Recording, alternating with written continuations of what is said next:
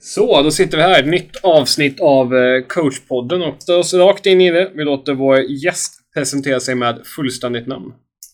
David Andreas Eriksson, Ålder. 36. Bor. Eh, Åland. Den måste vi ändå liksom göra li- lite nedslag på. Det är första åländska gästen här i podden vad jag vet. Ja, så är jag så hedrad. Men eh, du bor på Åland och du jobbar på Ålands innebandyförbund. Mm, precis, jag är verksamhetsledare på Ålands innebandyförbund sedan tre år tillbaka. Om man ska sammanfatta åländsk innebandy på en minut, hur skulle du beskriva att läget ser ut där? Läget ser ut just nu så är vi på en uppbyggnadsfas. Vi var väldigt stora på 90-talet, början på millennieskiftet. Men eh, sen har det varit en liten downperiod. Nu har vi börjat öka igen och eh, ökat samarbete med Upplands innebandyförbund också. Så att det finns ändå liksom gott hopp. Men hur, hallar och sånt där, hur ser förutsättningarna ut rent liksom? Finns det innebandyhallar över hela, hela ön eller? Ja, jag tror faktiskt att väldigt många skulle vara avundsjuka på våra förutsättningar som vi har. Eh, nu fick vi faktiskt en ny hall som vi inviger här precis i dagarna. Eh, förutom det så finns ju Baltikhallen, Godbyhallen eller Ålands idrottscentrum som den heter numera. Vi har Vikingahallen, vi har Valbohallen. Så att jag tror att vi har fem eller sex stycken liksom så här fullstora hallar på 30 000 personer liksom på, som bor på Åland och, och ungefär 500 spelare. Så att, nu är det ju andra idrotter i de här hallarna också men det finns oerhört mycket. Det är nästan som man hör liksom ledarna som nu sitter i Stockholm och lyssnar som svär högt över deras liksom invånarantal per innebandyhall där. Eh, Jag tror att vi ligger ganska högt per capita på hall. Om vi bara tar skillnaden, du pratade lite här att ni jobbar mot eh, Sverige tidigare. Var ju, vad jag vet spelar ni mer i Finland. Vad är, vad är skillnaden rent eh, färdmässigt liksom? Vad tar ju tid Sverige kontra Finland? Eh, ja, ska säga att vi har ju svängt över nu de senaste tre åren eh, som, som, som vad heter det, de åländska lagen har spela här. Eh, skillnaden är att man åker till Finland så måste du åka fredag. Du måste kanske ta ledigt från jobbet. Vi slutar klockan två på eftermiddagen, färjan går halv tre. Eh, och sen eh, så är du inte hemma förrän kanske natten till söndag. Så att, eh, eller möjligtvis söndag eller natten till måndag beroende på lite hur matcherna ser ut. Liksom. Men här så kan vi genom ett gott samarbete styra det så att de kan åka över bara på över dagen. Man åker med morgonfärja och sen är man hemma igen klockan 6-7 på kvällen. Eller åker man dagsfärjan och hemma med sista färjan så att man är hemma vid 11 tiden på kvällen. Så det, det gör en hel del i att, att eh, det blir så här, man ska säga att man fler, fler tycker att det är attraktivt. Så vi har faktiskt dubblerat antalet spelare som spelar utanför Åland eh, de senaste tre åren. Ja, och det, det är ruskigt spännande. Vi kommer säkerligen återkomma till Åland lite, men som ni kanske hör så är det lite ett specialavsnitt också. Dels den här åländska kopplingen som är ruskigt intressant. Men också att eh, din, eh, din huvudsakliga liksom, ockupation, eller vad du kallar kring innebandyn, liksom, det har ju varit... Eller ockupation, vad är det för jävla ord? Ska man skriva det? Jag tar, jag tar om den. Ockupation, jag bara tänker Åland och ockupering. eh, ja, det är ruskigt intressant att prata om åländsk innebandy. Det är, det är ju liksom en, en del av sporten som är väldigt viktigt. Hur vi jobbar liksom internationellt och gränsbrytande och, och så. Men det är ju inte temat för dagens avsnitt utan temat kommer vara lite special med faktiskt ett litet sportchefstema i och med att eh, det är den rollen du har i den förening du är aktiv i, IBK Uppsala Teknologer. Mm, det stämmer. Nu, numera så försöker jag hålla mig till att vara bara sportchef. Det har varit, man har haft ganska många roller i den föreningen och varit med och byggt upp den till vad den är idag eh, genom åren. Men eh, ja, jag har väl varit tränare och ASS-tränare och det ena och det andra. Eh, men i år så ska jag försöka hålla mig i A-laget på här sidan i alla fall, att vara bara sportchef. Sen sitter man ju med i styrelsen och sådana grejer till. Så det blir, man har en helt, det, det, är en, det är en liten förening med små resurser så man behöver vara på, på många, många ställen. Men i år ska jag försöka vara sportchef. Så tanken är ju då att eh, vi kommer diskutera tränarskap fast lite mer ur en, ur en sportchefsvinkel. Liksom hur sportchefen ser på tränarens uppdrag. Hur sportchefen ser på liksom spelrekrytering kontra hur, hur involverad tränarna är i den processen och lite så. Så vet ni ungefär vad ni har att vänta. Men först har vi några faktafrågor till då. Om du ska välja ett favoritlag. Det behöver ju inte bara bara innebandy utan sport överlag. Oj, eh, svårt. Ja, men eh, jag skulle väl benämna mig själv som eh, Hammarby-supporter. Eh, lite sådär lätt. Ehm, jag eh, följer även Ipswich när det gäller fotboll i England. Ehm, har väl också tidigare följt IFK Mariehamn ganska intensivt, inte nu längre så mycket. Ehm, men ja, det finns lite så. Ja, sen självklart techno liksom. Sen tittar vi, pratar vi innebandy så, så ja, men jag tycker ju att Hagunda gör någonting intressant liksom. Så det, det är ju ett, ett lag som man följer nära på det sättet. I och med att vi har också nära relationer till dem. Så att på så sätt är det intressant. Om du ska hämta inspiration i din liksom idrottsroll, att, finns det något lag eller någon person som du tycker att den här är väldigt intressant att följa för den gör någonting som du tycker att det här kan jag ta med i min verksamhet eller att det blir någon form av förebild i någon form av föreningsbygga eller sportchefsroll? Inte så direkt, jag skulle snarare säga att man hämtar väl inspiration från lite olika håll. Där man ser kanske den här underdogen som har lite mindre resurser som, som eh, kan eh, ska jag säga, eh, kämpa mot de här stö större drakarna ändå fast man kanske inte har de förutsättningar som där kan vi eller jag identifierar mig ganska mycket och oss i teknologerna känner ju liksom en, en samhörighet med sådana men om vi tittar och Uppsala Teknologer kommer ju förekomma en del under avsnittet i och med att det är där du är aktiv. För de som inte har stenkoll på föreningen, hur ser verksamheten ut? Ja, eh, ja, i dagsläget så är vi ett lag på, eller en förening med, med fem lag. Eh, vi har herrlag division 1, division 3 och division 4.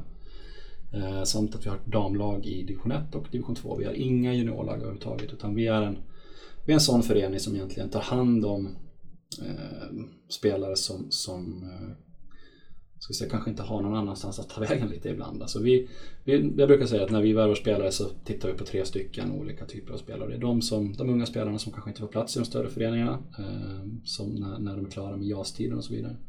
Eh, vi har äldre spelare som är mer rutinerade spelare som har, har varit uppe på allra högsta nivå och eh, men som fortfarande vill tävla så att säga, och bidra till, till eh, det här som vi håller på med. Och sen har vi studenterna som är liksom där vi kommer ifrån. Vi är en studentförening i grunden och har funnits liksom nu i, ja, sedan 94. Eh, och det är de senaste, vad ska jag säga, 5, 6, 7 åren som vi har, har, har börjat avancera här genom seriesystemen. När jag kom in 2009 då var det, då var vi 20 spelare i hela föreningen och herrarna spelade division 4 och sådär. Så det, var, det har hänt en del sedan dess. Jag får nämna två av de här spelarna som har spelat på väldigt hög nivå som finns med laget idag. Johannes Gustafsson och Gabriel Oidsson som båda har huserat i Superligan många år. Att, hur mycket kan de betyda för den typen av verksamhet att få dela med sig av sin erfarenhet till yngre spelare och liksom studenter? Ja men absolut, jättemycket. Alltså det, det, det är ju den blandningen vi har eh, och att kunna få dem att, att tycka att det är roligt att verkligen fortsätta spela på den här nivån och, och, kunna dela med sig av sina kunskaper och, och sin, sin lärdom till, till de yngre spelarna. Det gör ju att vi också blir ett attraktivt alternativ även för eh, som kanske inte, ja men vi kan ha någonting att erbjuda som kanske inte andra lag har. Sen har jag menar, vi, du nämner som har varit på allra högsta nivå. Vi har även idag en tränare som, som har fyra VM-guld i Petri Kokocha. Liksom, som, det, det, det, finns ganska många sådana här eh, som har varit med och som kan dela med sig av sin kunskap. Det har ju blivit en hel del säsonger för dig i föreningen. Om du får välja ut en eller några favoritmatcher. Är det någon som du tänker på direkt? Oj. Ja, vi har varit på mycket roligt. Det har varit Tournament of Åland där vi har spelat flera finaler. Vi har varit i Ryssland och spelat Gagarin Cup när jag själv har varit aktiv. Eh, men jag skulle säga att den, den som har liksom gjorde mest intryck på mig det var nog kanske, eller där någonstans vi tog avstamp till det som vi är idag också och liksom satte, satte hela den här Eh, ja men häftig match, eller nej förresten två matcher måste jag nämna nu. Första matchen som sagt avstampet där, där vi, vi går vidare eh, till, från division 3 upp till division 2 när vi slår Sätra i kvalet bortaplan. Det är en, det är en häftig match. Det, vi torskar den med 4-2 men vi har tillräckligt bra resultat med oss i ryggen från hemmaplan. Så det, det, men det var en, en tight och härlig match. Den, den kommer jag minnas länge. Samt även för två år sedan när vi gick till Allsvenskt kval och mötte Täby. Eh, det var också en, en, ett sånt som man kommer komma ihåg. Jag vill jag minnas som en otrolig match. Ja, var... ja men hemmamatchen här där vi, där vi lyckas slå Täby mot vad, vad, alla andra tror så, så ja, den är häftig. Det är en rolig match. Måste bara ta, vill minnas att eh, målvakten där, Christian Krogus, hade ju någon straff också precis i slutminuten. Ja, det, det, det, han, han, är, han är bra på dem. Ja.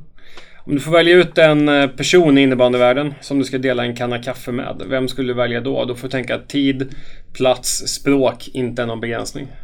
Oj, det finns många som man ska kunna diskutera mycket intressant med men, men jag tror nog faktiskt att oavsett vem, vem man än skulle välja så, så tror jag att, att eh, en person som betyder väldigt mycket det är Johan Selander eh, som idag finns nere i Danmark och det, det tar lite ont. Så att, ja.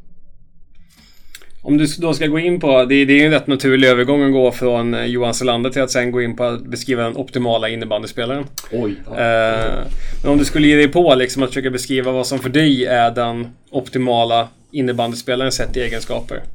Um, ja, men Selle som, som var vår tidigare lagkapten och han har varit med hela den här resan så han, han har väl mycket av det. Uh, jag, jag, vi kan ju hålla på att diskutera så mycket som, som alltså, teknik och speed och så vidare. Att det, det är saker som absolut alla spelare måste ha om man ska vara en bra innebandyspelare. Men jag tror att sådana saker som, som jag absolut vill lyfta fram i det här sammanhanget det är ens sociala färdigheter och hur mycket man, man kan tillföra en grupp. Eh, hur man kan vara en, en ambassadör för ett lag, en god lagkamrat och en förening.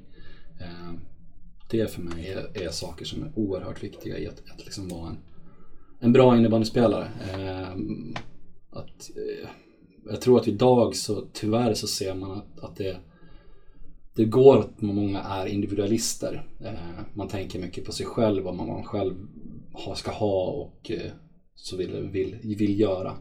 Eh, men ska det bli riktigt, riktigt bra så måste man få till ett riktigt, riktigt bra lag. Och det får man genom att bjuda på sig själv, genom att ge av sig själv, ställa upp för varandra. Ehm, det är då någonstans man kommer att komma till de här resultaten som, som, eh, som man vill uppnå till slut. Om vi skulle gå över då från den optimala spelaren till den optimala innebandytränaren. Om du i någon utopi får plocka fram någon, någon person fiktiv här med massa härliga egenskaper. Ja. Att, vad skulle du tycka liksom är viktigt att den optimala tränaren behärskar?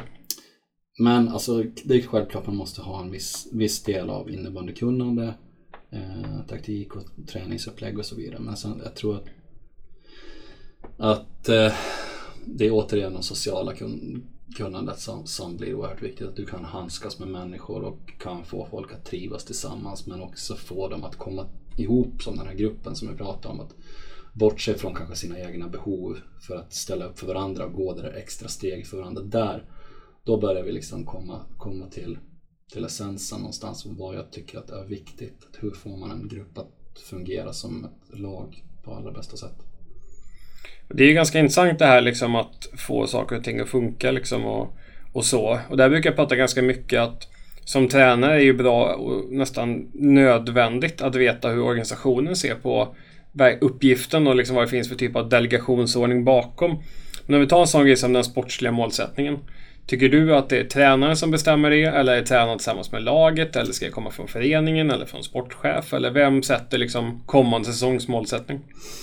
Men det där är en ganska komplicerad fråga ska jag säga. Det, det, är inte bara så att man kan gå rakt in och säga utan först och främst så måste man se vad har, vad har föreningen för resurser? Det är ju det som någonstans, eh, liksom, klarar man av att ta ett steg vidare? Vad är liksom, finns det organisation? Finns det pengar?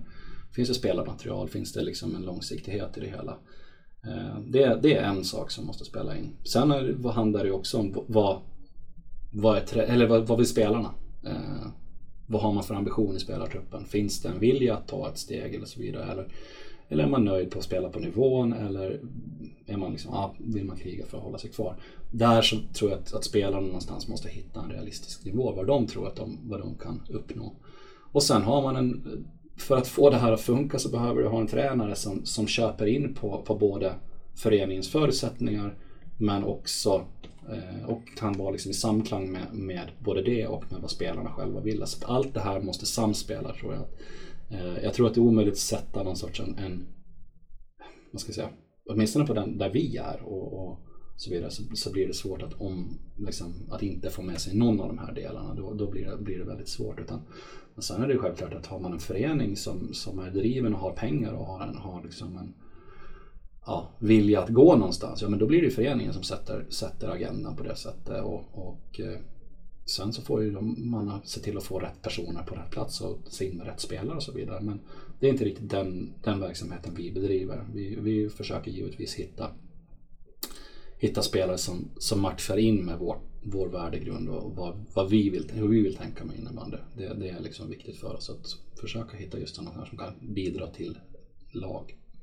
Så man kan sammanfatta lite med att det, målsättningen kommer från egentligen alla instanser med att tränare och sportchef tillsammans någonstans ska paketera ihop det liksom. Mm. Om vi tar nästa del som jag tycker också är väldigt intressant. Det är liksom vem bestämmer hur laget ska spela. Vi säger då spelsystem.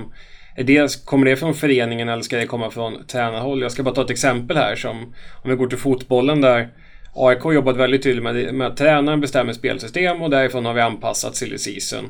Och då när man då väljer att ta bort tränaren och ta in en ny tränare, då jobbar han då med en trupp som är byggd för till exempel i det här fallet då 3-5-2. Det kunde vi ju se nya tränaren Bartosz Kiselak där som sa det att det är svårt att byta spel för nu har vi en trupp som är byggd för 3-5-2. Ska vi byta till 4-4-2 då liksom det blir stul direkt liksom att när man nischar för, för tydligt åt det hållet. Men AIK har ju sagt tydligt att det är sportchefen som bestämmer, eller tränaren som bestämmer att så här spelar vi. Hur ser du på den frågan? Ja, nej men jag ser väl att, att, det är klart att en förening har en identitet om vi säger diskutera vad, vad, vill, vad vill vi spela för typ av innebandy. Vi har en spelare som har sökt sig till oss av en viss orsak. Man, man vill spela innebandy för att man tycker att det är roligt. Vad tycker vi är roligast? Ja, vi tycker att, att, att göra mål, det är roligt. Eh, och, och, att eh, någonstans eh, ha mycket boll, det är också skoj. Eh, så att spel med boll tycker vi att det är roligt. Eh, jag tror att det vore ju väldigt dumt av oss då att, att hitta en, en tränare som tycker att, att vi ska så att säga fokusera på fysdelen eller vi ska gnugga försvar i, i liksom hela... Då liksom blir det ju helt fel med någonstans vad, vad kulturen i föreningen och klubben och bland spelarna säger. Så att jag tror att man behöver väl så att säga i samklang leta en sån tränare som kan köpa in på det som, som hur föreningen fungerar. Sen är det ju självklart i slutändan tränaren som sätter själva spelsystemet och, och, och bestämmer det tillsammans med, med sin stab och med, med spelarna. Liksom, att så här ska vi göra. Det är de som har liksom sista ordet. Eh, men, men det vore ju ja, lite, lite märkligt att, att gå från sina egna värderingar på det sättet. Att om, man, om det är så att man spelar på den nivån som vi är. Men om vi då tar, tar ett exempel här. Du ska träffa till exempel då en ny tränare. Skulle du då presentera föreningen och ungefär det här spelsättet som du beskriver nu för den tränaren och säga att vi vill ha dig för att du, vi tror att du kan funka jättebra i det här, det här tänket? Ja, men vi, vi har ju faktiskt gått igenom en ganska stor nyrekrytering och byggt om våra staber i, i år. Eh, och det här är ju någonting som vi, vi började med redan förra vintern och då, sitter, då satt vi ner liksom i ett sportråd och diskuterat vad, vad är vi, var vill vi vara, vart vill vi komma och hur ska vi komma dit? Eh, och vad behöver vi för en typ av tränare? Vad är det för egenskaper en sån tränare behöver ha? Eh, och då bör man liksom börja pinpointa liksom att hur, hur, ska man bygga upp en sån här stab? Vad är det för, för typ av personer vi behöver ha in här? Eh, så att, ja, jag vet inte om det är svaret på din fråga. Men det... det, det är ett svar på något. Nej, för det är, det är väldigt intressant att se. Liksom. Jag kan älska tanken att det kommer en förening som säger att vi, vi har liksom ett spel vi vill spela och vi har sett att du har spelat liknande förut och vi tror att du kan utveckla här till att bli ännu bättre. Mm. Än att jämföra med att, som många fastnar i, att vi vill ha en tränare liksom. Mm. Vi har liksom inte möjlighet, vi, vi har knappt koll på hur vi själva spelar. Så att vi liksom, du får ju lösa allt liksom. Att skulle jag få en sån förfrågan då kanske man känner så här, ja men vad är det här? Men kommer någon och säger att vi har en jäkligt tydlig plan och vi vill att du är en del av planen för vi tror att du kan liksom fylla ja, det här. Det var väl så vi, när vi sen tog kontakt med, med de, de tränarna som vi har så berättar vi mycket om föreningen, vår ideologi, var vi kommer ifrån och hur vi har spelat och vad vi hur vi fungerar så att säga. Det, det är där någonstans det gäller så att säga att, att sälja in det vi har att erbjuda. Alltså det är det någonstans. Vi har inte pengar att köpa liksom en tränares tjänster utan en tränare ska komma till oss för att man vill vara en del av någonting. För att vi, den tror på samma saker som vi tror på. Och som, um, som, som tror att den kan ha roligt tillsammans med oss. Att, ja, man kan tillsammans skapa någonting med, med de förutsättningar som finns och bygga vidare på det. Men hur mycket anpassar ni truppen efter tränarens tankar och spel? Eller jobbar ni snarare med att vi plockar in bra spelare och sen är det tränarens jobb att liksom få in dem i paketet liksom? Mm, ja, men det, det lutar nog mer mot det sista. Att det, det är liksom, eh, vi tittar på spelaren i första hand och då, då handlar det dels om vad man har för kvalitet men också vad man är för typ av människa. Eh, att, att man passar in i det här systemet som vi har. Att det, det är liksom, ja, som till exempel alla våra spelare betalar för att spela division 1. Och, och det, det behöver, vi, vi har ingen som gör ett undantag från det. Liksom. Hur, hur bra man än är eh, så, så, så, måste man vara med på samma villkor. Och det, det är oerhört viktigt i hela den här processen någonstans. Eh, så. Om vi tittar i en rekryteringsprocess. Att eh, man ska plocka in en ny spelare och vi, det är liksom någon, någon vi vill ha koll på. Den, för vi har sett de här egenskaperna. Att hur involverad är tränaren i den processen? Är han med hela vägen eller kommer han in på slutet? Eller blir det att nu kommer en ny spelare ner ikväll? Gratulerar. Det, det, är väl lite olika ska jag säga. Att ibland så kanske det finns någon, någon alltså där en tränare har ett önskemål. Kan vi titta närmare på den här spelaren? Och vad, eller liksom i samråd med mig, liksom ta en diskussion med mig att den här spelaren ska kunna vara intressant. Eh, medans annars någonstans så, så, är ju det liksom mycket av det som jag lägger min tid på. Alltså att, att hitta de här spelarna, att föra dialog med dem, berätta vad vi är och varför vi vill ha in dem och varför vi tror att de ska fungera hos oss. Eh, så att det, det, det, är inte självklart att, att vilken gång det är men, men, i stort så skulle jag säga att det är jag ofta som, som sportchef som jag ska säga, formerar truppen men men jag lyssnar ju givetvis på vad en tränare har. Det är ju en tränare också som ofta ser dem uppe i träning, hur de fungerar och så vidare och tittar på de sportsliga delarna och även någonstans möter killen i, i, i så att säga, nu ska jag säga att jag, jag har främst hand om herrlaget i vår, Det är därför jag pratar om killen. Mm. Så att, eh, men, men så det, det, är ju också upp till, till, eh, till så att tränaren att Eh, att Eh, att ge en input på hur ser den här spelaren ut i, på träningen. Att, kan det här vara någonting som fungerar? Så det är ju ett bollande mellan, mellan sportchef, tränare och, och men oftast är det jag som tar fram en, en, ett förslag och säger att nu kommer den här killen och tittar på den här, är det någonting som kan vara något intressant och så vidare. Eh, och så tar man det därifrån liksom. Så det är samråd tillsammans. För Blanka tycker det är ganska intressant att har vi en tränare som är väldigt involverad i processen, då tänker jag att det också kan bli en energitjuv att istället för att fokusera på att träna de spelarna du har. Att ha väldigt högt fokus på vilka spelare jag inte har i min trupp och vilka jag vill ha in. Och så sitter jag kanske och tänker liksom, ah, men om vi får in den här då kan vi spela si eller så liksom. Kan det skapa någon form av missfokus om tränaren liksom skulle vara väldigt operativ och liksom jobba med rekrytering också tror du? Det vet jag inte. Det, jag tror att det, det, är väl hur man väljer att, att väljer man att jobba med sportchef eller väljer man att inte ha en sportchef. Men ska man jobba med sportchef så det, det är ju liksom min roll någonstans, alltså som, som sportchef, att ta de här besluten och ha det här arbetsuppgiften medan vi, vi har delat upp det då, liksom, så att tränarna ska ha en annan roll och jag har, jag har den här rollen. Eh, som sagt, det är år som jag helt går över till att vara sportchef. Jag har, tidigare har jag liksom varit någonstans jag har ju varit med som, som tränare på helgerna också. Liksom. Det har varit en speciell situation verkligen när jag bott på Åland och inte kunnat vara med i veckorna. Så det är ingen optimal situation. Eh, utan det, det, ja, det blir inte alltid så, så lätt. Om man skulle då, den här berömda frågan som alla undrar sig, hur hittar man en bra tränare? Det är inte lätt. Alltså det, det är ju, oh, hur hittar man en bra tränare? Ja, skulle man veta det så skulle man spara bra många timmar. eh, nej, men det, det, krävs en hel del arbete bakom det. det. det. krävs en hel del kontakter för det första. Det krävs en hel del kunskap om vad det finns för människor runt omkring som, som kan tänka sig vara tränare, eh, som är tränare men också vilka som skulle kunna tänka sig att kliva in i en sån så småningom, roll så småningom. Var ser man liksom ett embryo till en bra tränare? Eh, så det, det, är inte lätt att liksom hur, hur man ja, hittar en bra tränare. Vad, vad, nej, det, det, är svårt. Det, det, krävs en hel del kartläggning och en hel del diskussioner. Och, och sen tror jag främst också att man ska veta vad man själv vill ha som förening. Alltså vad är det vi eftersöker? Alltså, eh, tittar man bara på att ah, men ska vi ska in en tränare, punkt. Eh, då, ja, då går det ju att ställa en fråga men det är oftast liksom någonstans svårare också att få napp. För då, då, då har du inte riktigt den här samma, vad är, varför är det vi vill ha dig? Eh, vad är det som gör att du ska in här? Eh, Då är det bara att har du tid? Och den, den så, frågan så, så, så svarar de flesta tyvärr nej på. Eller tyvärr, tyvärr, men så är det. Jag tänker så här, förutsatt att man har möjligheten att, eh, att identifiera och göra det här jobbet bakom. Men jag tänker lite som man gjort i NHL, där har man ofta letat kontrast. Att ha en väldigt så här lugn och sansad tränare under några år. Sen ska vi byta, då vill man ofta in en vild gaphals som kan väcka liksom laget lite. Att, finns det några sådana aspekter tror du att man vill leta efter kontraster i ett ledarskap? Att nu har vi haft den här typen av tränare, nu vill vi ha något helt annat. Eller snarare bygga på en liknande profil över tid?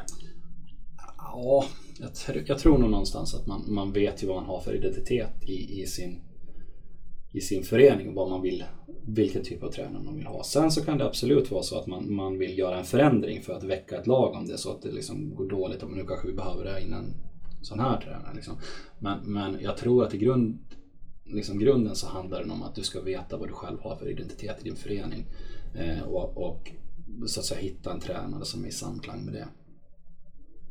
Men, men sen tror jag också, att vi pratar lite, du nämner att man byter liksom identitet. Jag tror också att vi, vi försöker nog jobba lite mera, ska jag säga, att man har ett team.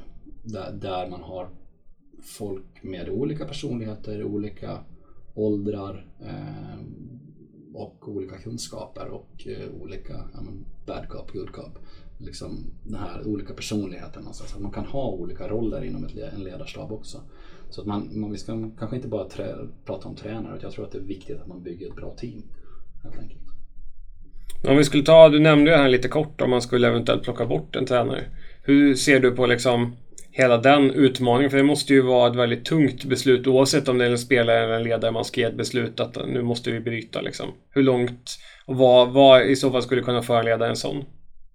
Oj.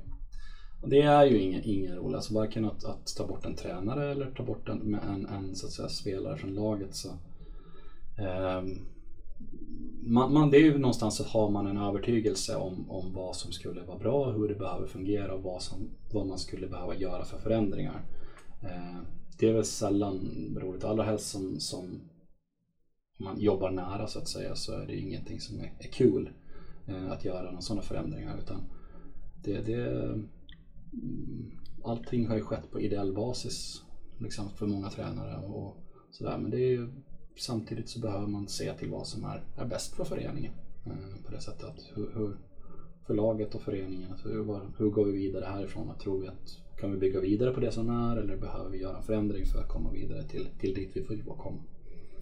Om man ska dra ytterligare en sån här nordamerikansk referens från filmen Moneyball med Brad Pitt som gör den rollen enormt bra. Men eh, han försöker ju hålla ett visst avstånd till laget just för att kunna... Han vill inte ha en personlig relation till spelarna och ledarna för att han enkelt ska kunna liksom sparka dem utan att kunna ha några samvetskval liksom. Att, nu tror inte jag att du jobbar på den modellen, men om du skulle, måste välja liksom att vill man vara djupt involverad i laget och kunna liksom ha en nära relation eller kan det finnas fördelar med att det finns en viss distans? Ja, visst. Klart att det finns fördelar att kunna ha en viss distans. Att man kanske inte blir lika känslomässigt involverad i, i de här eh, besluten. Och, och liksom, ja, det, det blir liksom någonstans en, en vän eller en kompis man måste kanske eh, ge ett hårt beslut till. Och det, det är svårt. Eh, men jag skulle samtidigt inte vilja komma till den situationen. För det är inte den typen av verksamhet jag vill vara verksam i. Ska jag vara verksam i i, liksom, som ideell sportchef och lägga ner en massa tid och så vidare så, så gör jag det inte för att, för att vara någon Brad Pitt i Moneyball och liksom nå framgång till vilket pris som helst utan någonstans i, i slutändan så är det ju vänskapsrelationen och att göra någonting tillsammans som blir det viktiga. Hur kan jag som, ja, kanske inte är någon vidare innebandyspelare men jag är bra åtminstone på det här eh, tror jag och liksom skapa relationer och vinnande lag. Eh, hur kan jag bidra? Vi går på nästa fråga. Hur mycket kan en tränare påverka ett lag? Om vi tänker utifrån den här aspekten att det är spelarna som spelar, spelarna tar besluten, vad, som, vad de ska göra för aktioner på plan. Hur mycket kan en tränare påverka? Det skulle jag säga att är eh, helt beroende på tränarens kompetens och på vilken nivå som spelarna är. Eh, har du en tränare som kanske inte har det innebandykunnandet så, så är det svårt också att gå in och, och ändra eh, någonting om du inte ser och förstår vad som behöver göras. Eh, så att har du en kompetent tränare som är tillräckligt mycket så självklart så kan man gå in och ändra och, och hjälpa till. Men, men eh, kommer du upp på absolut högsta nivå så ska du vara en... Det, kraven höjs ju hela tiden liksom när man kommer upp i en så att säga högre nivå som, som eh, spelare och tränare. Du får en sån här antingen eller-fråga då att eh, Antingen så får du in en jättekompetent, duktig tränare för den nivån som vi då låtsas vi är på. Vi bara hittar på någon, vi säger att vi är, vi är ett allsvenskt lag. Antingen kan du få in en av världens bästa tränare eller så kan du få in en för allsvenskan då enormt duktig center som kan jobba både offensivt och defensivt. Om du får välja, du får bara välja en, vem skulle du ta då? Tränare. Du tror att tränaren kan påverka så pass mycket mer? Uh, ja, kanske inte av den orsaken utan snarare för att det är svårare att hitta tränare. Alltså det, spelare finns det och spelare som vill spela finns det men det är svårt att hitta tränare som, som vill och ställer upp eh, för de liksom, möjligheterna som finns. Så absolut, tränarna skulle jag i det fallet välja för ja.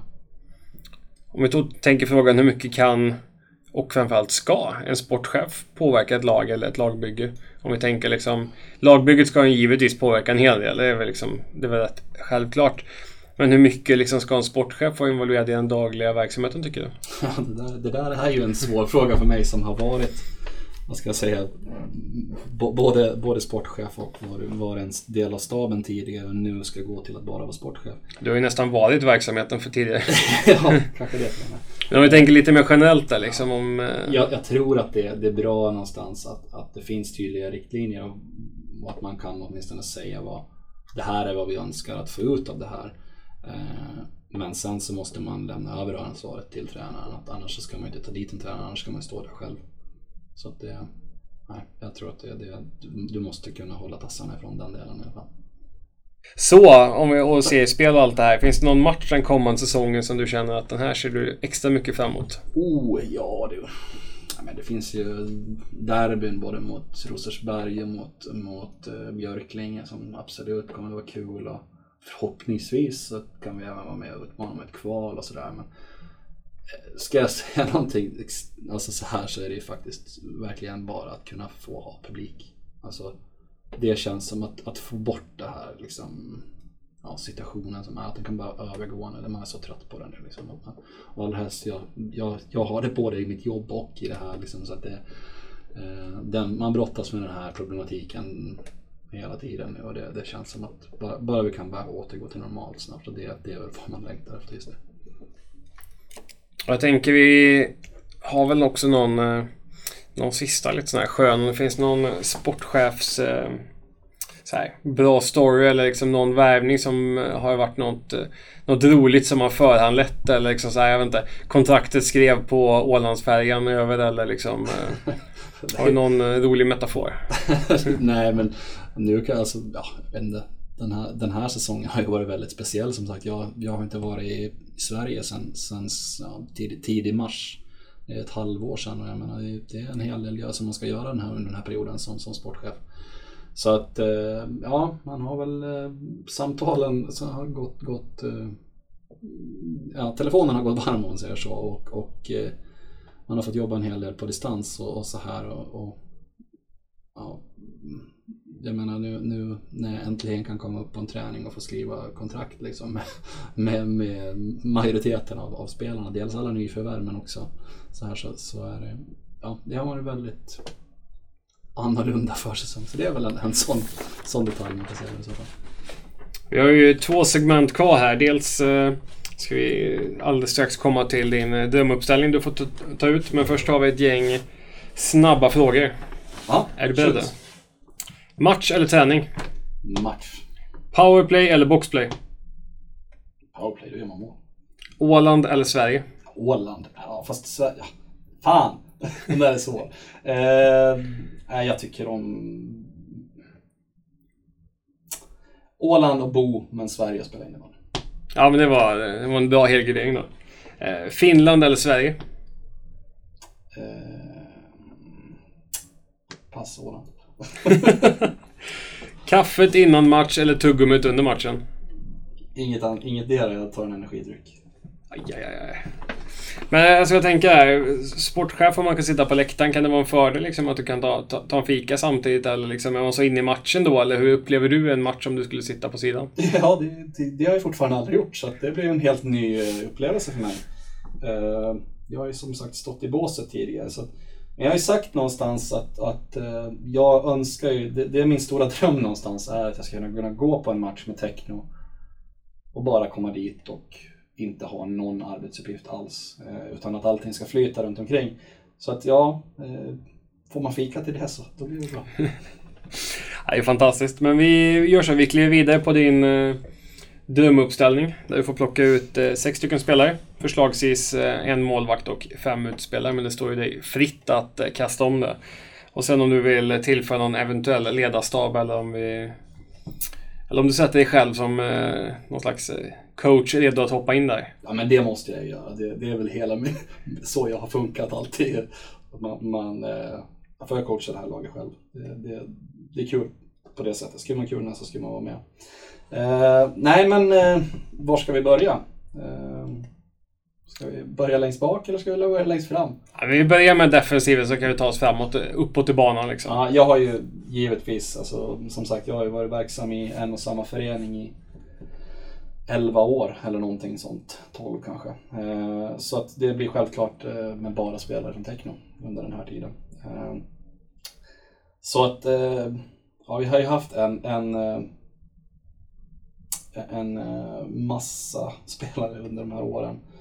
Uh, Niklas Durén tycker jag är ju en, en profil uh, som har varit med länge och spelat, som jag spelar länge. Men man ska välja en, en målvakt som Alltså en, en som, som... Nu, nu gör jag något jag absolut aldrig får göra ja. om igen här i podden. Men jag ska gå in och avbryta för ja. vi, vi, måste stanna vid Niklas Durén. Ah, okay. Det finns för bra material för att inte liksom ta upp den. Nu kan det vara största faktafelet någonsin här men Vi hade en otrolig historia om en match där det var någon spelare under uppvärmningen som, eh, jag vet inte om det var en kollision eller om det var någon som råkade trampa på Niklas fot. Ja, stämmer. Nej. Och eh, ja, han, han fick ju ont i foten. Och eh, Johan Selander, redan nämnd, beslutar ju då liksom om att eh, man lindar foten och säger liksom ingen fara liksom, utan, utan kör, kör, på liksom. Men eh, Niklas fortsätter ju hävda att liksom, han hade ont och liksom så, så då fick de ringa in en annan målvakt som inte kunde komma till matchstart. Krogius var i hallen. Det var så till och med. Men jag tror Dorén fick starta matchen. Mm. Och så kunde han kliva av sen när Krogius kom. Och då hade han visat att foten var bruten. han spelade första halva perioden. Med bruten fot. Ja, det är sån där underbart fin. Han ja, bruten fot och lite, lite linda på det, så var det inga konstigheter. Det, det är bra, bra, bra story. Ja. Eh, nej, men en annan målvakt också som, som eh, jag också nog vill, vill nämna det är faktiskt den målvakten vi hade när vi steg från trean till tvåan. Och det, han var ja, nästan två meter lång och händer som dasslock och, men fortfarande oerhört smidig och snabb och ja, han var starkt bidragande till att vi kunde ta det steget. Det var en kille som heter Robin Flod från Mora hemmahörande. Eh, oerhört bra eh, keeper. Eh, som, ja, synd att han inte har spelat, fått spela mera på högre nivå för han hade kvaliteterna för det. Så han får jag nog välja då. Även fast Durén är en bra bubblare där. En bra story. Ja. Eh, vi går vidare eh, med vänsterback. Eh, det får bli eh, sökaren. Även eh, känd som Robin Söderberg. Ja, han har väl spelat både Sirius och Hagunda tidigare tills han kom, kom till oss. Och ja, han, han, han, det är en oerhört bra defensiv back eh, som städar upp det mesta. Han spelar, fick spela en hel del med Erik Källerstedt som nästan är mer anfallare än vad han, vad han, är, vad han är back. Så att eh, Sakan eh, städar en hel del och det, det, han är jäkligt bra. Det är ett tapp för oss att tappa honom men, men han, han, ja, han är bra. Ja, nej men eh, högerback så måste vi titta på eh, en kille som heter Anders Sundström. Det, det, det var oftast jag som, som eh, spelar högerback till honom. Det är min gamla backkollega helt enkelt. Och han, han, han spelar vänsterback. Han spelar rakt jollyblad. Eh, och han, han, han snurrar mer än vad han springer rakt fram tror jag. Eh, det är en sån här som han kan vända ut och in på nästan vem som helst. Så jag, jag var ankare och han var uppe och, och spelade, spela anfall. Så att det, ja, nu, då får väl Sökan och Sunkan bilda back, backpar där och jag och, jag och Kjelle får vara, vara andra backpar. Ja, det var ju otroligt bra smeknamn. Det gör ju de gjutna i uppställningen. Ja, givetvis. Eh, sen får vi gå vidare med center och det, det är väl en, en position som ja, haft många bra centra. Jag menar JG, det, det är väl en helt okej. Okay, men, men jag, jag, jag, väljer faktiskt att ta sådana som inte spelar kvar direkt då, av den orsaken. Men, men, eh, och då, då tar jag en kille som heter David Karlsson. Han spelade med oss när vi var i, ja, men i fyran i, och i trean. Eh, han var en klass för sig själv. Han, han var rightfattad. Eh, konditionsstark. Han hade, det enda som han saknade var skottet. Eh, men ja, han var under sin studietid här så, så det var faktiskt så att han, han hittade jag som spelare när han ja, egentligen sökte boende. Eh, visade sig att han, han var innebandyspelare, han svarade på annonsen och sådär. Jag sökte en inneboende. Han kom upp på visningen och sådär. Eh, vi satt och snackade. och Jag bjöd upp honom på träning. Han fick tyvärr inte lägenheten men han, han kom och spelade innebandy med oss istället. Så det, det, det, det, blev bra i alla fall. Och han, han, eh, ja, men det visade sig sen liksom att han, han var i en helt annan klass. När han flyttade hem efter sin studietid så då började han spela med Jönköping. Och, och eh, gjorde ju det fruktansvärt bra. Så han spelade ju både, både division 1 och allsvenskan efter att ha lallat runt med oss i division 3 och division 4 ett tag. Men den kan vara ganska intressant faktiskt. Det har man sett fler exempel på spelare som kanske efter junior mår bra av att få spela på kanske i de inte absolut högsta divisionen utan få mycket speltid och liksom hitta glädje och mm. liksom mycket liksom förtroende och få tid och plats och sen mm, fortsätter växa och steppa upp där. Mm. Ja, nej men eh, så han får bli center idag. Eh, och sen har vi då högerforward. Killen som vi har utlånat till Hagunda nu då. Eller vadå? Det kanske var att han var utlånad till oss. Men eh, han kommer tillbaka från AFK. Viktor Strömqvist, Pumpen. Eh, oerhört vilken ja, fin spelare, bra person. Eh, ja, vinnarskalle dessutom. Det, det, det, det, det är en spelare som, som eh, ja, jättefin. Eh, man hoppas att han kommer tillbaka någon gång. Eh, och sen eh, vänsterforward då, även fast han, ja, han kan väl spela var som helst egentligen. Men idag får han ta vänsterforward, jag vet att han, han gör vad som helst för laget så han tar den och det är Johan Selander såklart. Eh, det, det, det, det, det, det, det, ja, man blir rörd när man tänker på, på Selle. Eh, så det, det är en kille som alltid sätter laget först. Eh, och en vinnarskalle deluxe. Om, om som sagt Pumpen och han, de satte man på olika lag. Då visste man att det blev bra fart på träningen. Det, det var två vinnarskallar mot varandra. Så att det, det, mm, han får bli lagkapten i det här laget också. Och du sätter dig själv som spelande coach och andra backpar där? Jajamän. Det, det, ja, det är otroligt mäktigt. Du har ju lite meriter. Vi har ju den här vad kallar den, berömda veckans sexa Uppland där vi på Upplands innebandyförbund skriver ut x antal spelare varje vecka där, som har gjort någonting eh, med något litet utropstecken efter. Så att vi hade, hade något tillfälle, jag vet att och både du och Mattias Samuelsson var aktuella men, och båda var högerbackar men Mattias fick, eh, flytt, han fick ta vänsterbacken ut till förmån för en mer spelskickliga ja, David. Han ska veta sin plats. ja, exakt. Nej, men grymt. Det är jättekul att få prata innebandy ur ett, eh, om tränarrollen utifrån ett sportchefsperspektiv. Jag kan tycka det är väldigt intressant utifrån att det är faktiskt ofta de som styr och ställer vad tränaren har för liksom, möjligheter också i föreningen. Så att, eh, ett stort tack för att du tagit dig tid att vara med i coachpodden. Tack, det var trevligt.